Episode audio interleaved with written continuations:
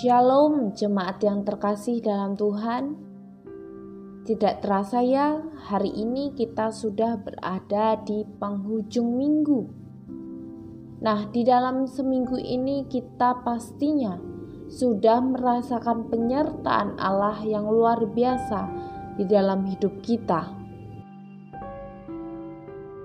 Dan mari saat ini, mari kita kembali datang kepadanya kita menyatakan rasa ucapan syukur kita di dalam doa kita.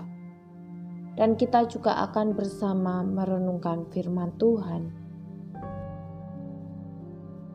Matius 5 ayat 8 Berbahagialah orang yang suci hatinya, karena mereka akan melihat Allah. Matius 5 ayat 8 Berbahagialah orang yang suci hatinya, karena mereka akan melihat Allah. Bapak, ibu, saudara membaca ayat ini, mungkin kita berpikir bahwa kita nggak akan bisa nih melihat Allah, sebab kita ini kotor, penuh dengan dosa. Kita bukan orang yang suci.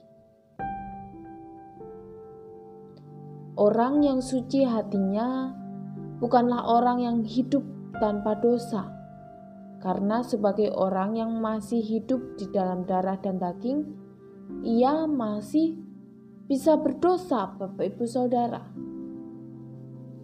Orang yang mempunyai kesucian hati adalah orang yang sadar akan dan dibebani dengan kenajisan dosa yang masih tinggal di dalam dirinya.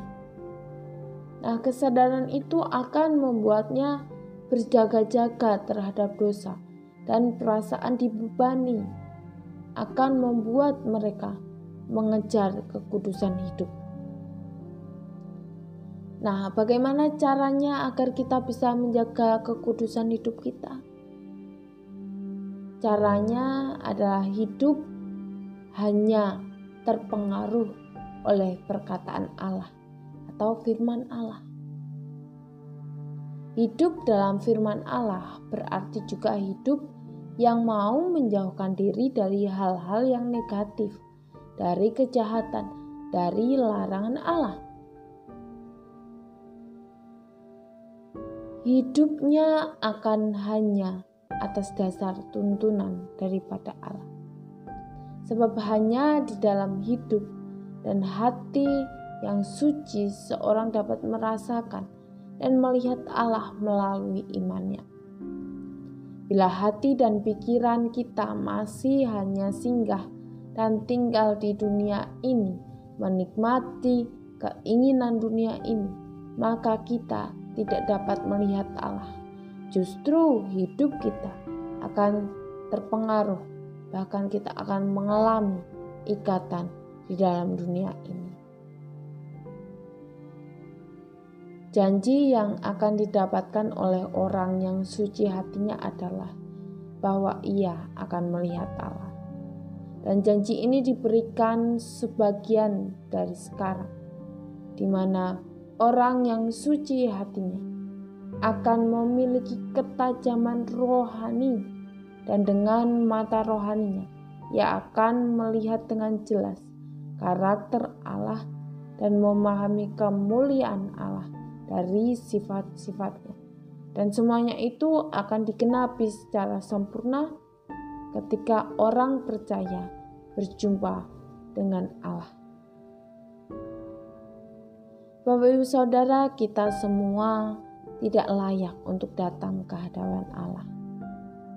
Dan sekarang kita beroleh kelayakan oleh karena anugerahnya. Nah, masakan kita mau menyanyiakan anugerah itu. Tidak mudah untuk hidup menjauhi dosa. Kita masih sering jatuh bangun, dan bahkan kita mungkin sampai terus berkecimpung di dalam dosa itu. Kita terbatas dan lemah, tetapi janganlah jadikan itu sebagai alasan untuk kita hidup terus di dalam dosa jika kita mau, kita pasti bisa. Dan mintalah kepada Roh Kudus untuk memimpin kita. agar kita bisa menang atas dosa kita, dan kita pun setia pada Allah hingga kita berjumpa dengannya kelak. Amin. Kiranya firman Tuhan ini dapat kita ingat, tanamkan, dan lakukan di dalam hati kita. Tuhan Yesus memberkati kita semua. Shalom.